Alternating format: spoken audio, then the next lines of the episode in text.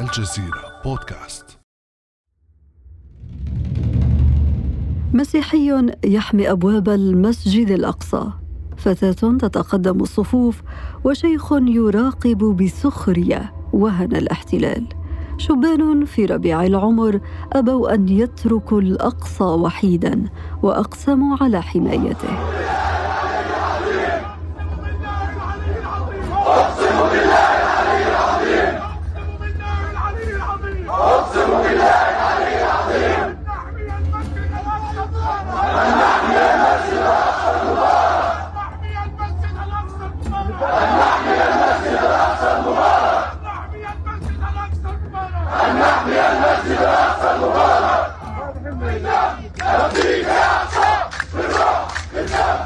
إنهم المرابطون كانوا هنا وما زالوا رغم كل الآلام ورغم غياب الأخ والصديق لكن من هم هؤلاء؟ من يحمي المسجد الأقصى في مواجهة الاستفزازات والأطماع الإسرائيلية؟ وهل تدخل المقاومة في غزة مجددا على خط المواجهة؟ وإلى متى يستمر غياب الأدوار العربية والإسلامية؟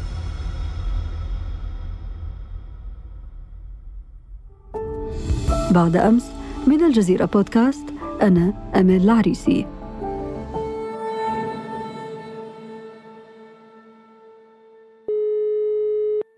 في هذه الحلقة أسعد باستضافة الكاتب والباحث الفلسطيني ساري عرابي. أهلا وسهلا بك أستاذ ساري. أهلا وسهلا. بداية أستاذ ساري من هم هؤلاء الشبان الذين يحتشدون في الأقصى ويواجهون اقتحامات المستوطنين وقوات الاحتلال الإسرائيلي؟ فيما يتعلق بالشبان الذين يعتصمون ويعتكفون في المسجد الأقصى ولا سيما في هذه الفترة الجارية في شهر رمضان من الممكن أن نتحدث عن شبان يأتون إلى المسجد الأقصى من العديد من المناطق الجغرافية في فلسطين بالدرجة الأولى بطبيعة الحال نحن نتحدث عن الشبان المقدسيين الشبان المقدسيون يعني الذين يحملون بطاقات هوية آه، القدس ويعيشون داخل القدس، هؤلاء الاحتلال الإسرائيلي حاول أن يمارس عليهم خلال الشهور الماضية العديد من عمليات الاستنزاف من خلال اعتقال العديد من هؤلاء الشبان وتحويلهم إلى الاعتقال الإداري فضلا عن إبعاد بعضهم عن المدينة المقدسة وفرض الإقامة الجبرية على بعضهم، يعني بمعنى أن الاحتلال الإسرائيلي اشتغل على تفكيك حالة الاعتكاف والاعتصام قبل مجيء رمضان من خلال هذه الإجراءات التي استهدفت الشبان المقدسيين الذين يمثلون النواة الأساس في عملية الاعتكاف والرباط داخل المسجد الأقصى، طبعا لا يفوتنا أيضا أن نتحدث عن الفلسطينيين الذين يزحفون من خلال القوافل من مختلف المدن الفلسطينية المحتله عام 1948 مم. الحقيقة أن الضفة الغربية تمثل الفضاء الجغرافي والديموغرافي لمدينة القدس ولكن أيضا الاحتلال الإسرائيلي منذ سنوات طويلة طبعا يعمل على عزل القدس عن هذا الفضاء وبالتالي يمنع عشرات بل مئات الآلاف من الفلسطينيين من الضفة الغربية من الوصول إلى القدس. يعطي تصاريح في شهر رمضان لمن تزيد أعمارهم على خمسين عاما ولا يعطي كل من من يزيد عمره على خمسين عام. هناك العديد من الفلسطينيين الممنوعين امنيا والمحرومين من أن يأخذوا التصريح للوصول إلى المسجد الأقصى. بالرغم من ذلك تمكن العديد من الشبان الفلسطينيين من الضفة الغربية من تجاوز الحواجز والعقابيل والعراقيل والأسلاك الشائكة والإجراءات الأمنية للإعتكاف والإعتصام في المسجد الأقصى، مثلا فجر الجمعة الماضية بعد صلاة الفجر من بين أكثر من 100 معتقل مرابط ومعتكف داخل المسجد الأقصى، آه، أنا أعرف العديد من شبان الضفة الغربية الذين لا يملكون هذه التصاريح والذين دخلوا تسللا أو تهريبا ووصلوا بالرغم من الإجراءات الأمنية الإسرائيلية، يعني بمعنى حالة الاعتكاف والاعتصام داخل المسجد الأقصى هي بالدرجة الأولى أيضا تواجه إجراءات وسياسات أمنية وعسكرية إسرائيلية مكثفة ومعقدة للغاية. في هذا السياق أستاذ ساري لنستمع إلى ما يقولها صحفي والناشط الفلسطيني محمد خيري حول أجواء الرباط في المسجد الأقصى التي أعطيتنا لمحة عنها. حالة التكاتف والتعاضد الفلسطيني بين الكبير والصغير بين الشرائح كافة بين المسلم والنصراني التي تتجلى بوضوح في ساحات المسجد الأقصى المبارك باعتقادي لم يسبق أن تجلت بمثل ما هي عليه اليوم من قبل. الداخل إلى المسجد الأقصى لابد أن يرى النساء والأطفال والشيوخ، الأطفال يلعبون، النساء ربما في رمضان آه، تحضر الفطور للمصلين والمعتكفين. آه، الرجال في حالة رباط دائم ومستمر من صلاة الفجر وحتى صلاة الفجر. هذه حالة ليست معهودة خلال سنوات كثيرة قد مضت. هذه حالة الآن أيضا هي ليست طبيعية في ظل تهديد الاحتلال الإسرائيلي المستمر. أستاذ ساري نحن إذا إزاء حالة فلسطينية تشكلت في بحات الأقصى تجمع أهل الضفة القدس الثماني وأربعين عنوانها الرباط وحماية الأقصى أنت تحدثت أستاذ ساري عن التضييقات التي حاول الاحتلال من خلالها منع الفلسطينيين من الوصول لنصرة الأقصى فكيف يتعامل الآن الاحتلال مع حالة الرباط التي تشكلت اليوم؟ حالة الرباط الموجودة في المسجد الأقصى هي واحدة من الهواجس آه، التي تسكن الاحتلال الإسرائيلي منذ فترة طويلة. يعني الفلسطينيون تاريخيا حاولوا إيجاد العديد من أشكال وأنماط الرباط داخل المسجد الأقصى من أجل التصدي للاقتحامات الصهيونية للمسجد الأقصى. كان ذلك مثلا من ضمن المشاريع ما كان يسمى بمصاطب العلم بالإضافة إلى العديد من المؤسسات الفلسطينية ولا سيما من داخل الأراضي المحتلة العام 48 التي كانت تحاول أن تدعم وتعزز حالة الرباط داخل المسجد الأقصى، الاحتلال الإسرائيلي حظر كل هذه النشاطات واعتقل كل القائمين على هذه النشاطات وعلى هذه المؤسسات. هذا تاريخيا. بالرغم من ذلك يسعى الفلسطينيون باستمرار الحضور والوجود داخل المسجد الأقصى، بطبيعة الحال نحن نتحدث عن صراع غير متكافئ، نحن نتحدث عن دولة مدججة تملك الجيش، تملك الأمن والاستخبارات، تتحكم بمفاصل الضفة الغربية بشكل مكثف، تقطع المدن عن بعضها، تتحكم بكل خطوط المواصلات داخل الضفة الغربية تتمتع بمنظومة مراقبة وسيطرة وضبط هائلة سواء داخل القدس أو داخل الضفة الغربية. طبعا بالإضافة للإجراءات التي سبق وتحدثت عنها التي تستهدف الشبان المقدسيين. يعني بمعنى أن المرابطين الفلسطينيين يعيشون حالة تحدي. يعني هم لا يواجهون إجراءات بسيطة أو إجراءات محدودة. هم يواجهون دولة لأن قضية المسجد الأقصى بالنسبة للاحتلال الإسرائيلي هي قضية مركزية. يعني بمعنى أن الاحتلال الإسرائيلي سعى خلال السنوات الماضية إلى تطبيع اقتحام المستوطنين للمسجد الأقصى في الأيام العادية. منذ العام 2019 والاحتلال الإسرائيلي يسعى إلى تطبيع اقتحام المسجد الأقصى في المناسبات الإسلامية، وبالتالي القضية قضية صراع على مستوى كبير في الحقيقة لأن هؤلاء المرابطين العزل الذين لا يملكون أي شيء كما شاهد العالم بطبيعة الحال وشاهد الناس على شاشات التلفزيون في اقتحام فجر الجمعة الماضي هم لا يملكون أي شيء هم يواجهون دولة هذه الدولة تتمترس بالعسكر بالأمن بالسلاح بالقوانين بالإجراءات الأمنية بالإجراءات الاقتصادية. بإجراءات متعددة في للغاية في الحقيقة. لكن الفلسطيني هو يعرف كم هو متعلق بالمسجد الأقصى. حالة التعلق الفلسطيني بالمسجد الأقصى ربما يصعب التعبير عنها بكلمات عابرة وبكلمات محدودة. المسجد الأقصى هو عنوان وجود بالنسبة للفلسطيني. المسجد الأقصى هو معنى وجود بالنسبة للفلسطيني. ولذلك نحن دائما نلاحظ حالة التحدي هذه بالرغم من كل هذه الإجراءات الإسرائيلية الضخمة. ودعينا نتذكر أن منذ العام 2015 والفلسطينيون يجددون هباتهم من أجل حماية المسجد الأقصى، نتحدث عن هبه العام 2015 و2017 و2019 و2021 ثم نتحدث عن هذه الأحداث الجارية التي شاهدناها جميعا. لا سيما يوم الجمعة الماضي. وتجددت اليوم الأحد أيضا. أستاذ ساري خلال تجدد هذه الاقتحامات من قبل المستوطنين تحت غطاء الشرطة الإسرائيلية تحت حماية الاحتلال الإسرائيلي هناك حديث عن محاولة تقسيم المسجد الأقصى زمنيا ومكانيا بين المسلمين واليهود. فما المقصود بذلك؟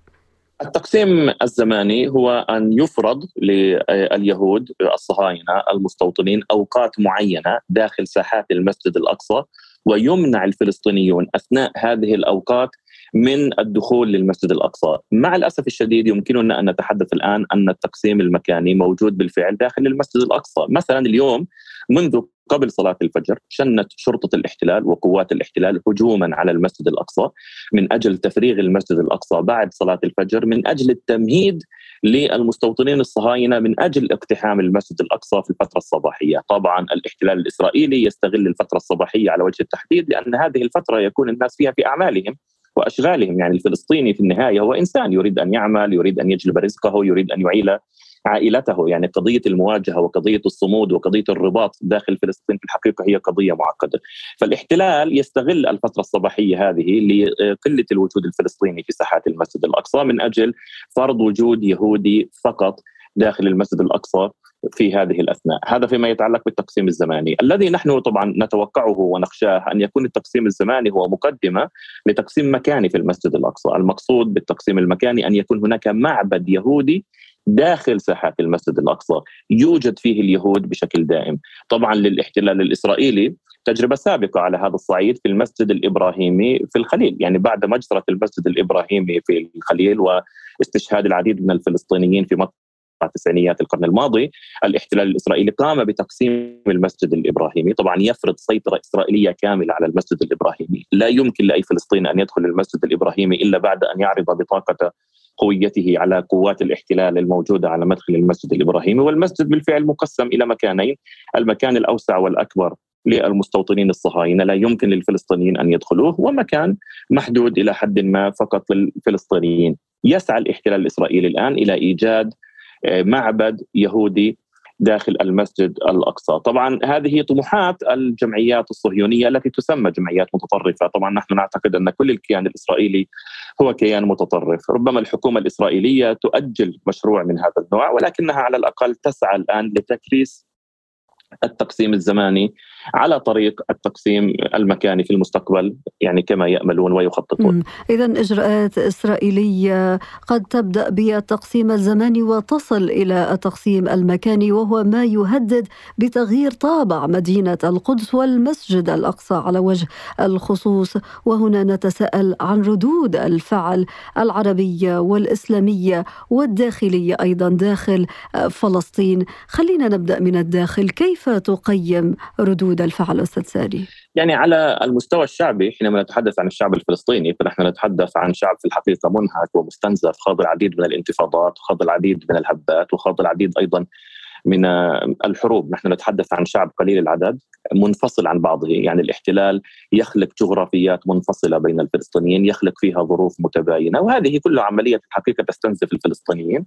بالرغم من ذلك كما سلف وتحدثنا قاد الفلسطينيون في السنوات الأخيرة العديد من الهبات والعديد من المواجهات من أجل حماية المسجد الأقصى. يمكن أن نقول إن المسجد الأقصى هو عنصر التسوير الأهم في الساحة الفلسطينية الآن والاحتلال الإسرائيلي يدرك ذلك، لكن على المستوى الرسمي يعني على مستوى مواقف قيادة السلطة الفلسطينية لا شك أن مواقف قيادة السلطة للأسف الشديد هي مواقف خجولة للغاية ودعينا أستخدم تعبير أوضح من ذلك وأقول إنها مواقف رديئة للغاية. يعني السلطة الفلسطينية كان يفترض بعد أيام من اقتحام المسجد الأقصى أن تعقد اجتماعا اليوم ثم أجلت هذا الاجتماع لوقت لاحق.